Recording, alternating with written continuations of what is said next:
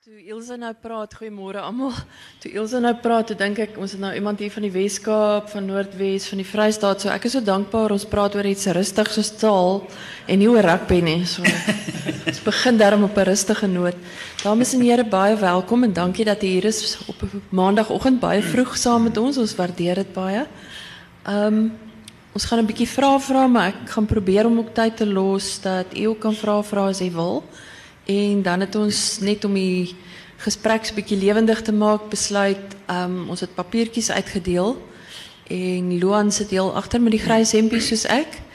Uh as jy nog 'n papiertjie ingevul het nie, skryf net asseblief daarop wat is u gunsteling Afrikaanse boek. Um ons wil aan die einde so 'n bietjie boek weggee en ons het gedink dis 'n lekker manier om dit te doen. Ek het 'n ruk gelede 'n baie interessante boek gekoop wat gehandel het oor 'n skip en daar's op die voorblad gesê hierdie is die biografie van 'n skip. En toe dink ek is baie interessant want mense dink altyd biografie en jy dink altyd aan mense en jy dink nie dat voorwerpe of onderwerpe ook 'n biografie kan hê nie en eintlik is twee van ons sprekers nou biograwe van Afrikaans. En daarom het ek gedink my eerste vraag aan hulle twee onderskeidelik moet wees en dis nou aan aan Jaap en Wannie.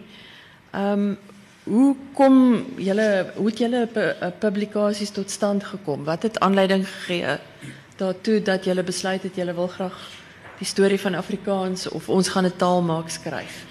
Ek gaan sommer met Jaap begin, dankie. Ja. Ek sou die boek seker nie geskryf het as Kraal Uitgewers my nie gevra het nie. So die einde van 2010 het uh eh, Dr. Dani Langner, hy was toe die bestuurder van Kraal en Dirk Herman, hy is een van die direksielede van Kraal vir my gevra om 'n boek te skryf oor uh, die geskiedenis van Afrikaans sedert die einde van die 19de eeu. Nou ek het maar 'n bietjie min tyd gekry, maar dit was my tog so 'n aantreklike aanbod want uh, ek het geweet geen ander uitgewer sal my vra om oor so ding te nie. En daarom het ek dit maar aangepak. Ek het ook die hele geskiedenis van Afrikaans is interessant. Maar wat mij vooral geboeid is die kritieke tijdperk na die Anglo-Boereoorlog. Want je hebt bijvoorbeeld uh, toegekregen dat die Vrijstaters en Transvaalers hun taalrechten verloren. Uh, was, die land was verwoest, hulle was totaal verarmd, hulle het geen uh, politieke macht of economische macht gehad. Nie. Maar die leiders het altijd gezorgd dat uh, die behoud van die taal een van die prioriteiten blijft. En die hele heropbouwproces. En ehm um, ek praat van die leiers, ek praat net die boeregeneraals wat die politieke leiers geword, die predikante, onderwysers, joernaliste en skry ander skrywers. Hulle het byvoorbeeld skole gestig, uh die koerante heruitgegee, verenigings en ander organisasies gestig. Party van die verenigings het uh ekskuus het Nederlands bevorder. Hier het uh daar was onder andere die Taalbond wat uh uh, woorde um, Nederlandse bietjie vereenvoudig het die spelling daarvan en die vereenvoudigde Nederlandse spelling uit te gee. Verskeie boeke is ook daarin geskryf. En aan die ander kant was daar die Afrikaanse verenigings uh en die begin van die Afrikaanse uh, boeke wat begin het, die digbundels van Toteus, uh Leipold en Jan Serrier ook journaliste wat begin Afrikaans skryf het soos uh Oculus en die Vriendesvolks en Piet Uithaler. En ja natuurlik het die ehm die politieke leiers ook al die kansse aangegryp al die benut wat hulle kon kry. Toe die Vrystaat en Transvaal byvoorbeeld uh selfregering kry het weer gesorg dat moedertaalonderwys ingestel word. Hulle het ook gesorg dat uh, Hollands saam met Engels die amptelike tale van die Unie van Suid-Afrika word. Nou Hollands is die term waarop hulle oor waaroor hulle besluit geneem het. Dit het Nederlands en Afrikaans ingesluit. En in 1914 uh, wat sedertdien gebeur het, sedert 1914 daar het Afrikaans begin om die oorhand te kry deur allerlei faktore. Maar ons ek wil ook nie te lank aan die woord bly nie. Ek uh, ons kan verder daaroor praat as jy wil. Baie dankie Wannie, jy het jou storie 'n bietjie ver gehaal. Ek het my storie baie ver gehaal. Ek is uh, effens 'n ander invalshoek ehm um, destyds toe ek nog by uh, die Universiteit van Kaapstad was en ek het klasse gegee in taalgeskiedenis. En ek het die studente baie leeswerk gegee tot 'n student eendag na my toe gekom het en gesê, "Kan nie net vir my een bron gee waarin alles is nie." Nou ja, dit het nogal in my agterkop gesit, daai een bron waarin alles is en ek het jare lank daarmee gewerk. En toe se Potchefstroom toe en aangegaan met die met die doseer van die van die van die storie. En intussen het ek ander boeke klaar gemaak, maar ek wou nog altyd hierdie hierdie storie oor die geskiedenis van Afrikaans vertel. En ek het met die tyd ook besef veral ehm uh, dat dat ek verskillende invalshoeke het. Eerstens is ek dosent en ek doen navorsing daaroor, maar aan die ander kant ek belewe 'n stuk geskiedenis veral uh die tyd met die totstandkoming van die Afrikaanse Taalraad, ook die hele versoeningsproses in Afrikaans. En dit het my uh het ek toe besef gee my 'n unieke kyk op gebeure. Ehm uh, en dit het ek toe uiteindelik besluit ek gaan nou die boek doen, maar nou uh daar is al 'n hele klomp boeke in die mark, so dit maak nie sin dat jy net iets gaan skryf wat reeds beskryf is nie. En toe het ek gewoon vir Prof Edith Wright genader. Van julle het miskien al met haar boekie Afrikaans as 'n Europese verlede te doen gehad. En ehm uh, ek het eenvoudig gesê ek wil altyd nog 'n boek geskryf het oor Afrika geskiedenis van Afrikaans, maar hy's nogal redelik op die een gebaseer. Maar Prof Edith sê te vir my nou maar reg, dan vat ons hierdie een en jy het die totale vryheid om dit hom te maak wat jy wil. Nou dis heerlik. So dit is 'n is 'n bestaande boek, maar ek kan hom aanpas. En wat ek toe gegaan het uh is om my eie notas oor wat is taal reg voor te begin tot waar ons nou is. En intussen het ek Afrikaans as 'n Europese verlede 'n hele klompie hoofstukke gebruik. So my invalshoek is effens anders. Ek het ek het 'n bestaande bron gevat maar ek het die beperkings wat ek aan hom gesien het beduidend uitgebrei en onthou die laaste keer wat hy verskyn het is in 1991. So ek het baie inligting gaan bysit. Maar toe was ek natuurlik weer oor ambisieus soos ek gewoonlik is. Van my vorige boeke het gemiddeld 8 jaar gevat en hierdie een het ek gedink sommer gou 2 jaar. Nou wat weer eens was ek liderlik verkeerd. Dis nou 4 jaar later in die boek het ek Vrydag afgelope Vrydag die eerste gedeelte deel van die boek weggestuur. Nou hy het uiteindelik so dik geword en dit is die een ding wat 'n mens maak as jy as jy werk in die stuk geskiedenis en jy kom soveel interessante goed agter en jy besef daar is baie dinge wat nog nie vertel is nie, dan wil jy dit graag vertel. En uh met die klem op vertel het ek ook toe gebruik gemaak van die ambisieuse titel die storie van Afrikaans. En dit is dit is wat ek toe graag wil gedoen het. Maar Toe gaan ek en my vrou uh Nederland toe waar ek te 4 maande werk en toe op 'n dag kry ek die boek van Ronald Willemyns wat gaan oor Dutch biography of biography of a language en skielik het ek besef waar my unieke invalshoek is. Ek wil 'n storie vertel, maar hierdie storie is te gelykheid het 'n biografie. En die biografie verg 'n ander insig. Hy beteken bietjie meer na binne kyk as net suiwer die storie vertel. En aan die ander kant as ons 'n biografie vertel, dan dem, dan wys ons op meer, jy's meer visueel. En en uh dit het toe soos ek gewerk het vir my duidelik geword, hier is so baie al geskryf en om dit oor te skryf maak nie sin nie, kom ek wys eerder.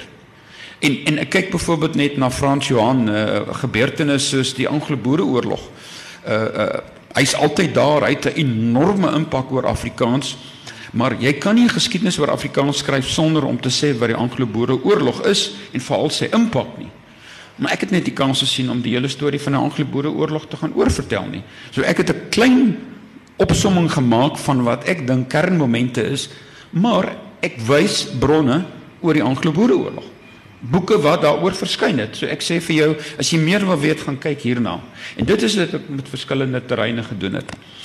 Uiteindelik het die boek dus dik geword dat hy nou twee boeke geword het. Aan die een kant ons noem dat dan ehm uh, uh uh uh die eerste gedeelte is die ges, is die storie van Afrikaans uit Europa en van Afrika en dan die subtitel is uh Afrikaans in in in die die, die Europese geskiedenis van Afrikaans. Dis boek 1 wat nou weg is en dan boek 2 hoop ek later in die jaar weg te stuur is die Afrika geskiedenis van Afrikaans.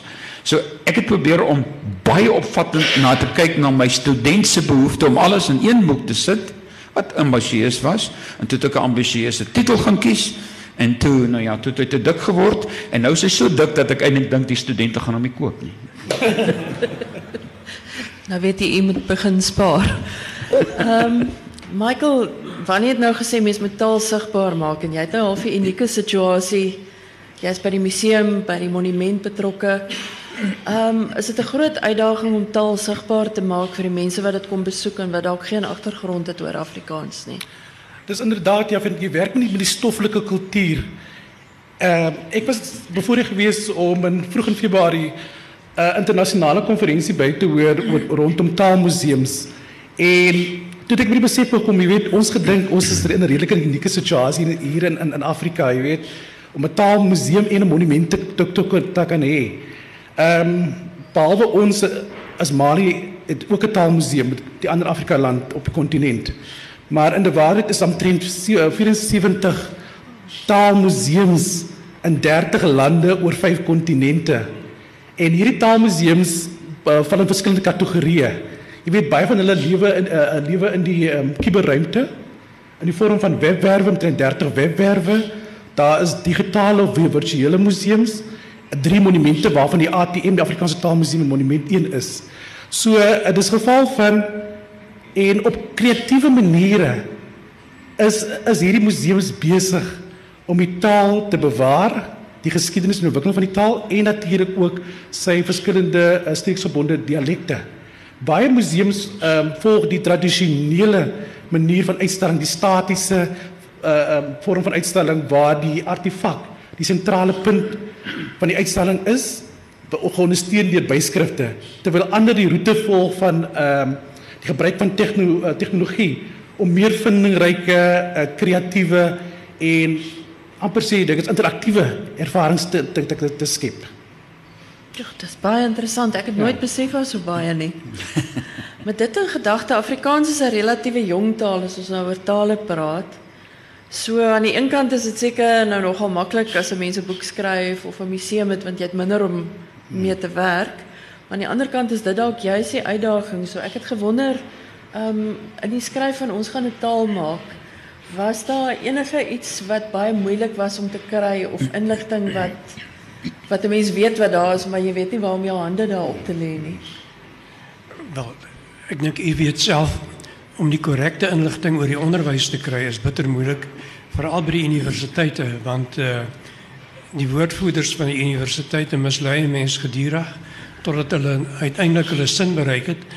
En uh ja, dit was nie maklik want ja, almal het gesê Afrikaans gaan behou word en toe verdwyn dit by by ons by die UV by Pretoria by Unisa. Uh gelukkig is dit nog daar by Wanneele. Dit is van die dinge wat moeilik was en dan natuurlik bronne wat 'n bietjie net 'n bietjie te laat verskyn het.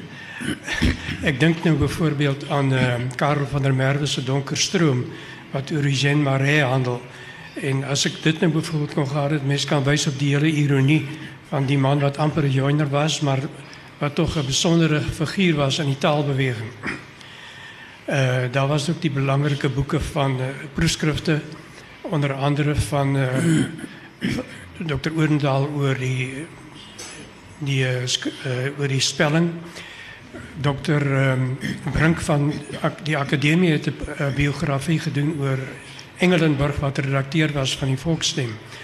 'n Baie interessante karakter ook voor die Anglo-Boereoorlog ehm um, was hy teen die gebruik van Afrikaans as skryftaal bekend, maar die die Anglo-Boereoorlog het toe daartoe gelei dat hy wel bereid uh, dat hy 'n geesdriftige ondersteuner van Afrikaans geword het en ehm uh, um, is dit ook Gustav Preller toegelaat het om sy artikels oor Afrikaans daarin te skryf en so aan. Wanneer het jy uitdagings gehad? Ehm um, Ek het 'n effens 'n ander invalshoek as as Jaap gehad en ek dink dit is ook belangrik om dit te sê. Uh ek wat nou jare lank in die klas gestaan het en gedoseer het, was dit vir my altyd die belangrike ding om die studente te laat weet hoe of of laat ek sê waar pas Afrikaans in in hele spektrum van tale in die wêreld. Wat maak Afrikaans uniek? Hoekom Afrikaans? Wat maak dat dat jy daardie taal wil bestudeer wat hierdie plus minus 7 miljoen mense hierdie taal praat? En ehm uh, ek het dus letterlik soos 'n akademikus in die begin begin en tot die einde probeer vat. En en 'n uh, baie belangrike vraag vir my was hoeveel tale in die wêreld is daar? Nou ja, dis weer 'n ander debat wat jy ingaan in in in verskillende teoretiese benaderings. Maar ons maak op hierdie stadium redelik reweg gebruik van uh die webblad Ethnolog wat daar ingestel is om tale te dokumenteer en hulle sê dis omtrent 7102 tale. So dit is my vertrekpunt. Hier het ons basies 7102 tale wat ook maar 'n teoretiese syfer is, maar die feit is Afrikaans is een van hulle. En nou waar kom Afrikaans vandaan? En ek het probeer letterlik van die bo af. Wat is taal? Hoe deel jy tale in? Hoe jy uiteindelik dan by die hele kwessie van Indo-Germaans, Germaans en die spektrum kom uiteindelik tot jy by 17de eeuse Hollands en Afrikaans kom. Dit was vir my belangrik om dit te dokumenteer dat die studente die Europese lyn kan sien dat Afrikaans dus 'n tweeledige herkoms het, die Europese herkoms Ons kan nie daaroor twis nie, dis gewone gegewe, maar dat hy in daardie gegewe 'n baie noue verbintenis met Nederlands het. En dis miskien net so suidelings. Ek het toe net een ding besef, uh as ek dikwels praat oor Nederland en Vlaandere, dan kry ek sulke dowwe uitdrukking in die studente se oë dat hulle eintlik dink o, dis 'n baie mooi plek, is 'n mooi naam, hulle was nog nie daar nie. En ek is toe weer ambisieus. Kom ek sit gou 'n hoofstukkie in oor die laalande vandag. Nou wat 'n ergernis het dit geword. Maar watter wonderlike hoofstuk. En ek dink uiteindelik as die tente hom nou gaan lees, om sê nou weet ek, daar sit ek fotos in van Amsterdam, Leiden, universiteite, Brugge, Grote Mark in Brussel dat die studente hierdie laalande ervaar, maar ook die Europese assosiasie ervaar en dit is vir my verskriklik belangrik.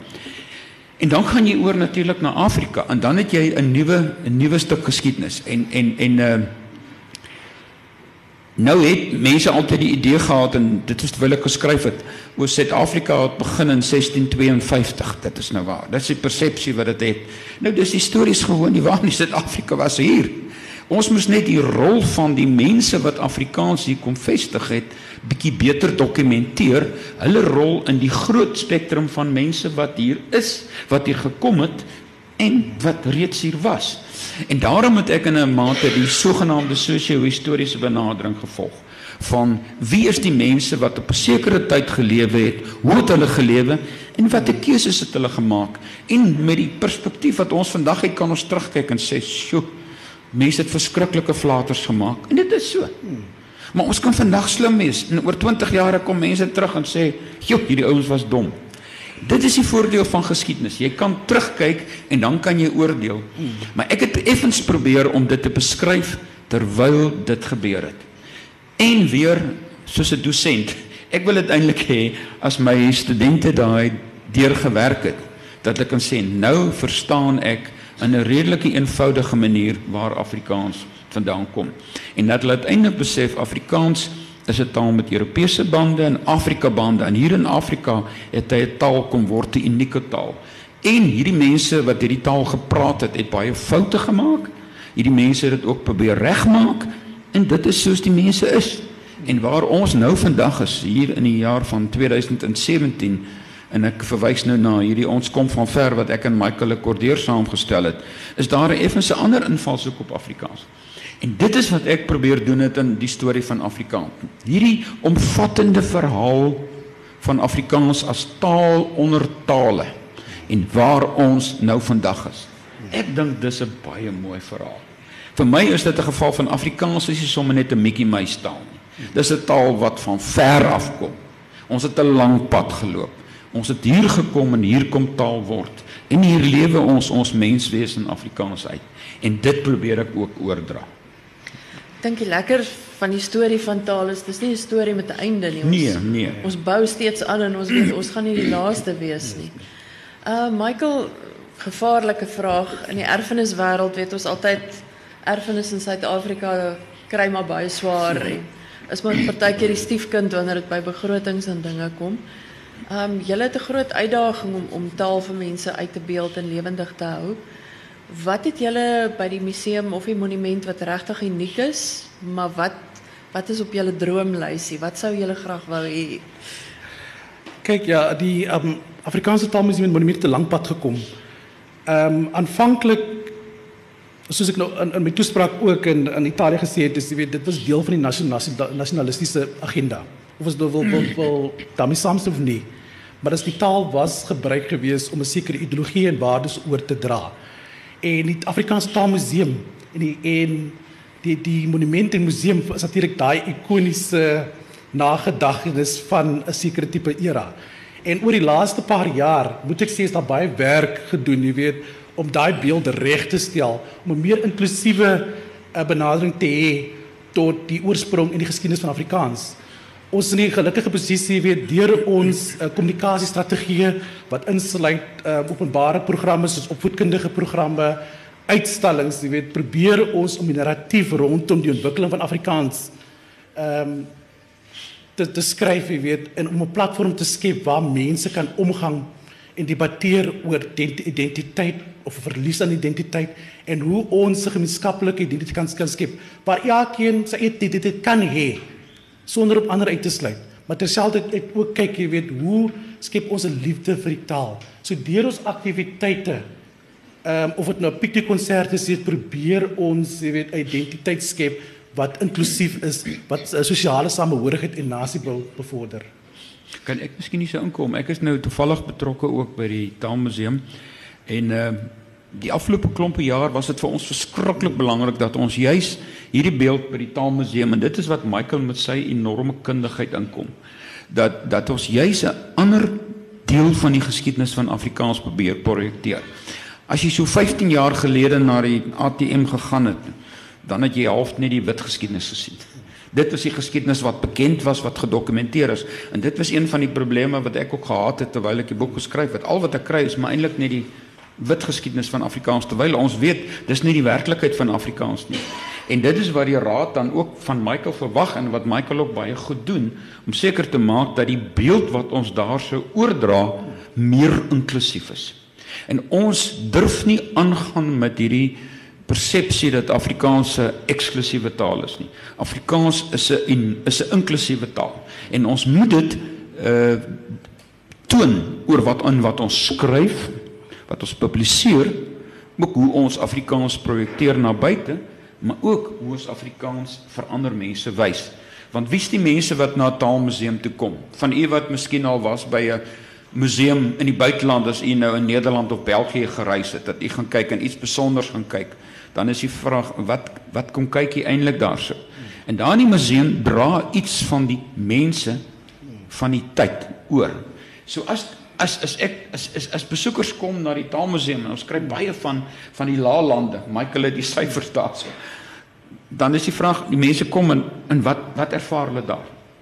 En en en die besoekers moet 'n inklusiewe beeld ervaar.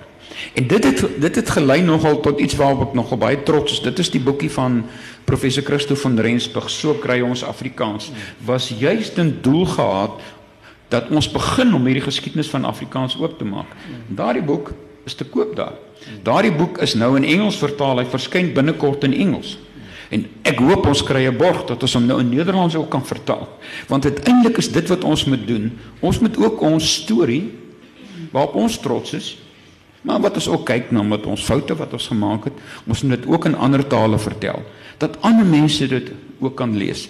Uh ek kan miskien net sê professor Chris Brink wat nou vroeër hier so rektor was het by die heel eerste byeenkoms van die Afrikaanse Taalraad uh, wat ons hier gehad het op Stellenbosch uh het hy baie belangrike ding gesê. Hy het gesê soms moet jy ook jou storie in 'n ander taal vertel. En daarom moet jy ook in 'n ander taal skryf ek dink hierdie fenominale boek wat jy opgeskryf het, ek hoop ons kry eintlik 'n borg dat ons hom kan vertaal in ten minste Engels dat hierdie ongelooflike stuk geskiedenis ook vir ander mense wat meer wil weet van ons dit kan lees want dit dikwels vertel ons net die storie van mekaar. Ons moet dit ook na buite vertel en dit is waar die Taalmuseum ja. kom. Uh, Alana, ek dink ek moet ook byvoeg, jy weet, museum is ehm um, wat Ivan Gaap van praat van dis is 'n uh, kontakzones.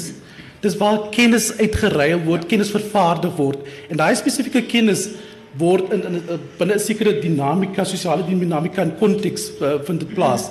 En museums het 'n rol om te speel. As jy kyk na museums na monumente, kulturele landskappe simboliseer hulle kultuur en identiteit. Mm. En dit bied ons 'n sleutel tot ehm um, die verlede van 'n nasie.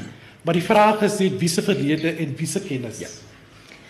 Is nogal interessant. Ek dink baie van die van die brandpunte rondom taal in Suid-Afrika op die oomblik begin by persepsies. Ek ja. dink daar's mense wat altyd 'n taal kaap vir hulle eie ideologiese redes, maar as die persepsies nie bestaan het nie, was dit moeiliker om die taal te kaap.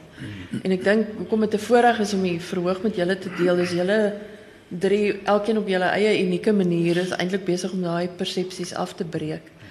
Maar met dit gesê, een van die van die slegste persepsies waarteen ons nou baie werk op die oomblik is dat mense vir ons sê Afrikaans is soos enige ander taal, dis net 'n kommunikasiemedium. Dis niks meer as dit nie. Ja. Ehm um, ek gaan julle so op die ry afvra om elkeen te sê wat is julle reaksie?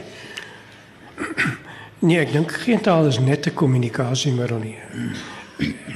Dus um, dit skep ook identiteit, wel is 'n deel van 'n mens se identiteit jou taal. En bij ons is het natuurlijk een historische achtergrond, maar ik denk bij verschillende andere groepen ook. Kijk, ik is, um, ek is een trotse opa van zes kleinkinders. Ik zeg het graag dat mensen respect kunnen hebben. Foto's na die tijd. en ik laat niet naam dat gereeld ten Oralana te meld nie oor my kleinkinders. Maar ek ek is nou en ek noem dit spesifiek, hulle is nou met die taalverwerwingsfase besig. Die unieke klein goedjies wat hulle sê. En dan bekom jy agter deur die wyse waarop hierdie klein kinders die taal verwerf. Begin hulle met die uniekheid van die Afrikaanse mense hulle self assosieer en uitdruk. En ek kyk nou in die aande die van hulle wat nou 'n bietjie groter is wat nou al die gebedjies sê, hulle begin dit nou in Afrikaans sê. En en en en in daai opsig is Afrikaans nie net sommer net 'n kommunikasiemiddel nie. Dit is die middel waarin hulle groot word, waarin hulle hulle menswees begin beleef, waarin hulle hulle menswees uitdruk. Dit is vir my fantasties. Nou, ek sê altyd vir die studente en hulle hou nogal baie daarvan as ek dit sê. Ek sê Afrikaans is nie net 'n 'n 'n 'n middel waarin jy kan bid nie. Afrikaans is ook 'n vrytaal. Nou ja, dan staan die glimlagte natuurlik net so groot. Maar Afrikaans is ook 'n bekleitaal. Dis 'n taal van emosie. So enige taal, soos Afrikaans vir my is, is Engels vir ander mense so, is vir 'n Khoza en 'n Zulu sprekende so. Jou jou taal is so 'n unieke deel van jou menswees dat jy dit nie kan skei nie. Ek kyk uh ek het nog gereeld in die laalande kom hoe trots die mense is om hulle museums te vertoon. Lina sal nou weet te steinstrewels te oogst, nê. Nee. En ek het by geleentheid in Nederland dis die Vlaamse skrywer wat wat wat wat op stadium wat hulle sê huis sy sy huis 'n museum gemaak. En en hulle behou sy studeerkamer net so 'n fantastiese uitsig so oor die lande in Vlaandere. En en en en ek het ek het daar gekom en die mense wat daar was was so trots dat hierdie stuk geskiedenis so bewaar kan bly. En dit is wat ons moet doen met Afrikaans deur op te teken en te bewaar en te wys. Wys ons Afrikaans is nie sommer net 'n kommunikasiemiddel nie. Natuurlik dit ook, maar hy is meer as dit. Hmm. Interessant. Net anders het by Wannie ook, jy weet, en ek is van mening is dat is dat taal is die draer van kultuur. Ja. En as ehm um, museum erfenis praktisyn, jy weet, is belangrik ehm um, glo is ons van mening dat ehm 'n gemeenskap, 'n nasie, 'n kultuur van 'n denking moet hê. En daai daai kultuur van 'n denking is nou verweef ehm um, tussen tussen herdenking en identiteitsvorming. So museums kan 'n belangrike rol speel, jy weet, om begrip te toon vir die verlede en natuurlik die waardes en belangstelling vir dag te versterk en te kan prikkel. Ek dink Afgesien van van identiteit, as 'n mens werk met die storie van taal, dan werk jy met die storie van mense. Dis dis onverwendbaar. Ehm um, in die storie van Afrikaans, wie sou julle uitsonder as die mense wat die taal gemaak het? Ehm um, ja, het nou gewerk met ons gaan 'n taal maak. Wie is die mense wat wat regtig uitstaan en en die mense oor wie ons dalk nie genoeg weet nie? Ja, dan moet seker baie mense wees waarvan 'n mens nie weet nie. maar jy bedoel nou mense wat werklik 'n groot bydrae gelewer het of Ja, uh, ek wil sommer daarbey aanhaak. Nou die dag het ons 'n funksie gehad so oor oor taal waar ons mense beloon het wat besigheid doen in Afrikaans en toe sê iemand maar sy was onlangs nou juist by die Taalmuseum gewees en sy het vir die eerste keer besef die mense wat die taal gemaak het was nie 'n klomp ou ooms wat bymekaar Ja, gekom ja. het nie, dit was jong energieke manne. Ja. En ek dink dis my 'n interessante deel van die storie want jy sien altyd die die foto's van bejaard lykende manne en jy besef nie dit was jong mense wat ook 'n taal geskep het nie. Ja, nee, dit, uh, met die taalbeweging was het bijvoorbeeld zo dat uh, dit vooral jonger mensen was. Met die genootschap van rechte Afrikaners was een hele klomp jong mensen. Uh, ja, allemaal min of meer 30 of minder of jonger. En als een mens later dan kijkt naar die... Uh, uh, bijvoorbeeld die groot schrijvers zoals Van Wyk Louwet, um, hulle het al allemaal vroeg hier in de dertiger jaren begin schrijven. En hulle die, dat is van die belangrijkste bijdragers tot Afrikaans. Fanny en jy het nou 'n bietjie met jou en Michael se boek Michael ek koordeer nie Michael nie. Uh, uh, Ehm um, het julle nou ook weer 'n bietjie mense terug in die kolle geplaas amper. K- Kyk in, in op sig aan te sluit by by Jaap, ehm um, juist dat die die die GRA mense, jonger mense was, mense kyk dikwels vas teen hulle fotos die bebaarde mans. Onmiddellik as jy baard het, is jy oud wat natuurlik nie noodwendig waar is nie. So in Randall Wickham wat geskryf oor die ag jolly kerels en dis die een beeld wat jy sien as jy in die Taalmuseum kom en ek mense wat nog nie daar was nie gaan kyk na die tafel waar die mense gesit het. Maar dit is jong mense wat bereid was om 'n om 'n stap in die duister te neem. En en met die insig van vandag in die terugkyk kan jy sê dat by die stap wat hulle geneem het, het binne 50 jaar gelei daartoe dat 'n uh, spreektaal, praattaal 'n amptelike taal geword het. Dit is 'n enorme wagmoedige stap. Daarom het jy ook jeugdige energie en entoesiasme nodig wat bereid is om soms die grense te toets. Maar wat wat ons in hierdie hele proses nagelaat het en dit is wat ek en Michael in 'n mate in die boek kon saamvat is dat die storie van die breinsprekers van Afrikaans op 'n manier een kant toe geskuif is. Hy's nooit behoorlik vertel nie. Hy was altyd daar, maar mense het amper nie daaroor gepraat nie. En dit is een van die dinge wat ek agtergekom het terwyl ek nou baie wyd gelees het oor die boek dat ek besef het dis nog nie genoeg vertel nie. Want as jy bronne oor Afrikaans optel, is dit hoofsaaklik bronne oor wit mense se se, se rol. Ons ons het nog nie die ander sy regtig oopgemaak nie. En dit is wat ek hoop dat my boek en natuurlik ook uh, die die ons kom van ver help om daardie kant verder in te trek. Daar is nog enorm baie te sê want uh, ons ons het op 'n manier gehad dat dikwels vir die breingemeenskap het dit maar amper aanvaar asof wat met ons gebeur moet maar met ons gebeur en jy skryf nie neer nie. Ek het te vermoed dat ons al hoe meer dagboeke en en en stories daaroor gaan begin kry om juist daardie daardie menslike rol van die ontwikkeling van taal meer na vore te kry. Dit moet nog na vore kom. Ek kyk nou met die herdenking van die ABO het daar 'n enorme klomp dagboeke na vore gekom. Mense wat in konsentrasiekampe was en dis sulke belangrike bronne want vertel iets van die omstandighede waarin mense gebly het en waar hulle gemaak het. Maar ons het nog nie genoeg van die ander stories vertel nie. En dis die voordeel wat ons kan nou terugkyk en sê daar is 'n gaping. Dit moet nog gestel word. Michael en by julle as ek nou 'n jong kind is uit Pretoria of uit Bloemfontein of uit van die Kaapse vlaktes af en ek stap by die voordeur in. Wat doen julle om vir my te sê hierdie is op my storie as ek daar instap?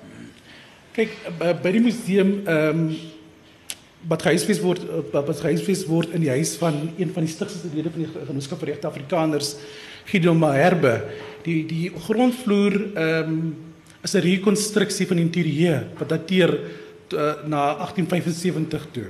Jy weet, soos Wannie gesê het, jy weet daar's die onder, onder andere die eetkamer waar die genootskap bymekaar kom, jy weet, en die artefakte wat tentoongestel word, jy weet, verteenwoordig is 'n is 'n is 'n stoffelike manifestasie van van die tydperk. En bo bring ons die verskillende variëteite in. Afrikaans as as medium weet vir vir, vir, vir storie vertel, ehm um, uh, kulturele uitdrukkings soos drama, musiek en so voort so. So dis 'n geval van jy weet ons probeer ook ehm um, Afrikaans in tot in sy totaliteit jy weet uitbeeld sodat een elkeen van Afrikaans is kreooltaal en hy het diverse diverse wortels, jy weet, en deur ons aktiwiteite en ons werksamehede probeer ons daai storieetjie van diversiteit uitbring, jy weet, en dat dat daar vir elkeen 'n plek is in die Afrikaanse landskap. Julle werk nou eintlik almal met die dinamiek van taal. Nou daarin sit daar natuurlik 'n groot stuk groei. Maar mens sien ook dat daar areas is waar daar agteruitgang is. Met die werk wat julle al drie gedoen het en ek gaan nou maar weer so op die punt begin en vir julle al drie vra. Ehm um, watter areas sien julle waar daar agteruitgang is? Wat bekommer julle baie? Ja, natuurlijk die verlies van functies, zoals die uh, uh, aan die universiteiten. Maar sommige universiteiten wat Afrikaans was en toen tweetalig, uh, het nou net Engels geworden. Maar ik denk ook in die... Ik wil nog iets net terugkomen wat, wat je net nog gezegd. Onbekende mensen wat een groot bijdrage geleverd. Maar een andere groep mensen is diegene wat hun werk behoorlijk gedaan het, goed gedaan het maar wat nie meer onthou word nie goeie onderwysers, joernaliste en dergelike en ehm um, weet die, die koerante byvoorbeeld het tog 'n groot rol in die geskiedenis gespeel en ehm um, goed maar ek wil net by jou vraag te kom weer ek dink daar is 'n agteruitgang in die taalgebruik in die opsig dat mense so maklik in alle style van Afrikaanse klomp Engelse woorde gebruik onvertaald uh wat eintlik onnodig is en wat die taal eintlik verarm. Ja. Wanneer watter areas sou jy sê is vir jou die die brandpunte? oor oor Afrikaans is daar baie baie brandpunte veral met die oog op die toekoms. Uh vir my wat vir my primêr na vore gekom het is is is is die feit dat ons aan die een kant half 'n eksklusiewe storie vertel het. En dit het op 'n manier daartoe gelei dat die funksies van Afrikaans onder druk kom. So ons ons was te gefokus op een kant van die geskiedenis van Afrikaans en dit het Afrikaans histories onder politieke druk geplaas. En om aansluit by Jaap, ek het toe gaan kyk juis na die funksies van Afrikaans want Dit is die belangrikste ding van 'n taal om om elke funksie aan te neem. En elke funksie gaan met enorme moeite gepaard. Uh, ek het op 'n stadium terwyl Jaap geskryf het en ek het geskryf, nou praat ons met mekaar en en, en Jaap skryf oor aspekte soos die ontwikkeling van Afrikaans as TV-taal en radiotaal. En dan is dit te gelykertyd funksies, want 'n taal wil 'n mediataal wees. En Jaap skryf dit Maar ek wil hy het nie sommer net 'n radiotaal geword nie. Dit is 'n lang pad. Hy het 'n lang pad gevat om 'n televisietaal, 'n koeranttaal te word. So elkeen is 'n besondere oorwinning. Maar ek het toe op 'n Saterdagmiddag gaan sit en dis nou natuurlik die onheilige dinge wat mense nie op 'n Saterdagmiddag moet doen nie. Ek het stadium vir myself 'n tabel gaan trek en al die funksies vir Afrikaans gaan neerskryf en sê, "Reg, wanneer het die proses begin vir hierdie funksie?" Het die radiotaal Dit is nou naaste by dit, televisietaal dit, koeranttaal ensovoorts ensovoorts. En dan die vraag, waar is ons nou? En toe tot die skokkende ontdekking gekom dat in die meeste gevalle die funksies besig is om te daal. Want ek het probeer kyk, is hy besig om te styg, word hy gehandhaaf of daal hy?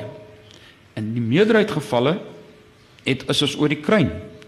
Dit is ontstellend. Dit is 'n storie wat ons moet deel en wat ons moet miskien probeer omkeer en ek weet nie hoe nie. En hoe keer jy dit om deur inligting daaroor te deel en mens jong mense te motiveer want ons wat die taal praat en ons is oorwegend meer van die ouer generasie wil die jong mense nog aangaan met dit wat ons gedoen het wat ons moeisaam gedokumenteer het om die funksies van Afrikaans in stand te hou. Kyk net na Afrikaans as onderwystaal. Ek bedoel die hoogste strewe van 'n taal is om in die onderwys gebruik te word en dan is die heel hoogste een om as die taal van die wetenskap gebruik te word. Nou hoe word jy as die taal van die wetenskap gebruik? Deur middel van die universiteite. En nou kyk ons 'n klompe jare gelede het ons nog universiteite gehad waar Afrikaans uh uh die die primêre onderrigtaal was. En nou hier in 2017 sê dit verlede jaar dat nie net so gegaan nie, dit het so gegaan. Die druk is enorm. En wat nou beteken die funksie van Afrikaans as wetenskapstaal is onder enorme druk want die jong mense begin ewe skielik sê, oh, hulle sê dit nou al lank, maar dit word nou amper die mode. Kom ek skryf nou maar in Engels want dan gaan die wêreld my lees. Nou ons almal wat in die bedryf is weet, dis gewoon nie waar die mense lees nie proefskrifte in in verhandeling nie. Dit is nou 'n feit. So jy skryf nou hierdie meesterstuk van jou wat niemand lees nie. So skryf hom eerder in jou eie taal. Maar die dilemma is net as Afrikaans as taal op universiteite onder druk kom en hy word nie meer as taal van onderrig gebruik nie, gaan hy 'n langtermyn impak hê op die funksie van Afrikaans as wetenskapstaal. Ons minder ontdekkings hê in die taal. En mense gaan minder skryf in die taal. En dan is die enorme moeite om Afrikaans daai funksie te gee, 'n terminologie te ontwikkel tot niet. Ek dink van die werk wat Prof Christo Viljoen hulle gedoen het toe hulle met hierdie hierdie hierdie hierdie sandsout besig was Prof Christo.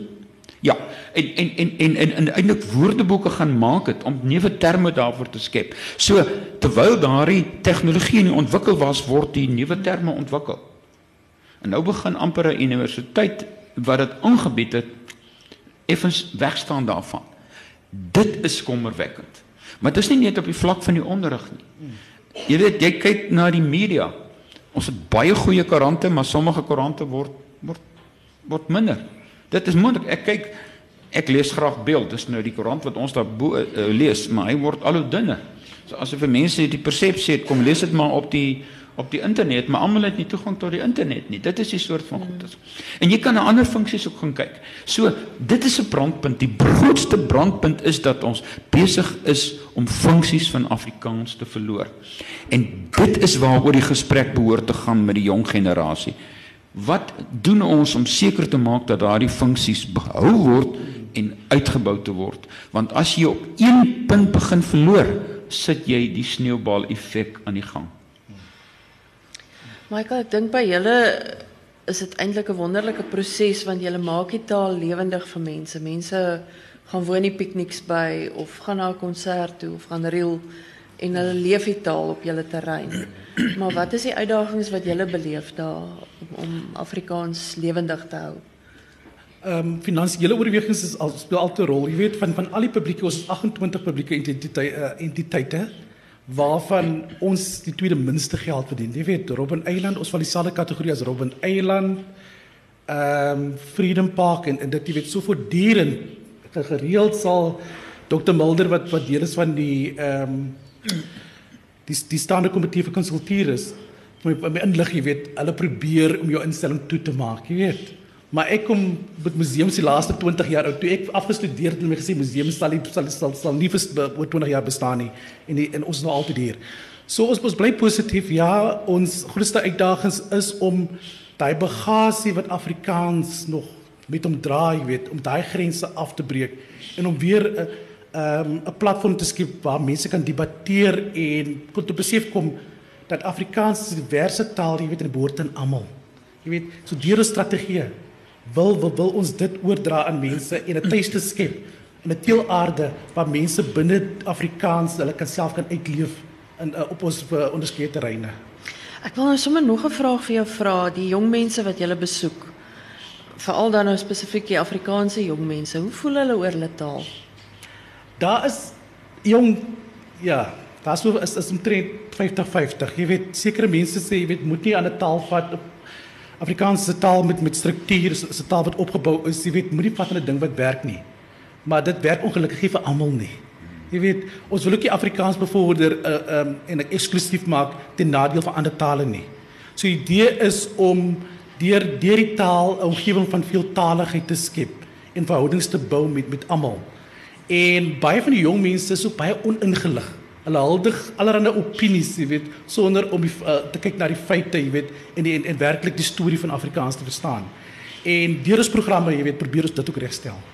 Ek ek dink 'n aspek wat hiermee saamhang en dit is die rol wat die Taalmuseum vervul is dat Afrikaans 'n rol te vervul het as 'n as 'n voorbeeld, as 'n tipe template. Ek kyk nou net uh, met die ontwikkeling van die WAT is al die ander tale wat woordeboek eenhede gevestig het is gebaseer op die WAT.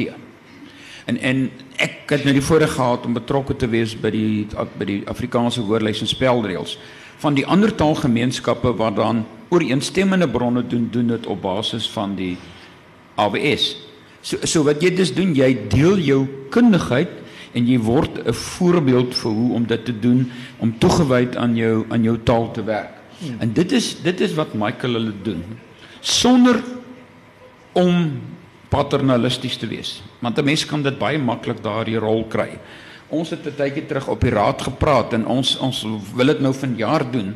Wil ons dan die leiers van die ander taalgemeenskappe met die sogenaamde nasionale taalliggame wat ons wil nooi en sê kom besoek ons by die Taalmuseum dat ons vir julle kan wys hoe deel beeld jy die geskiedenis van jou taal uit.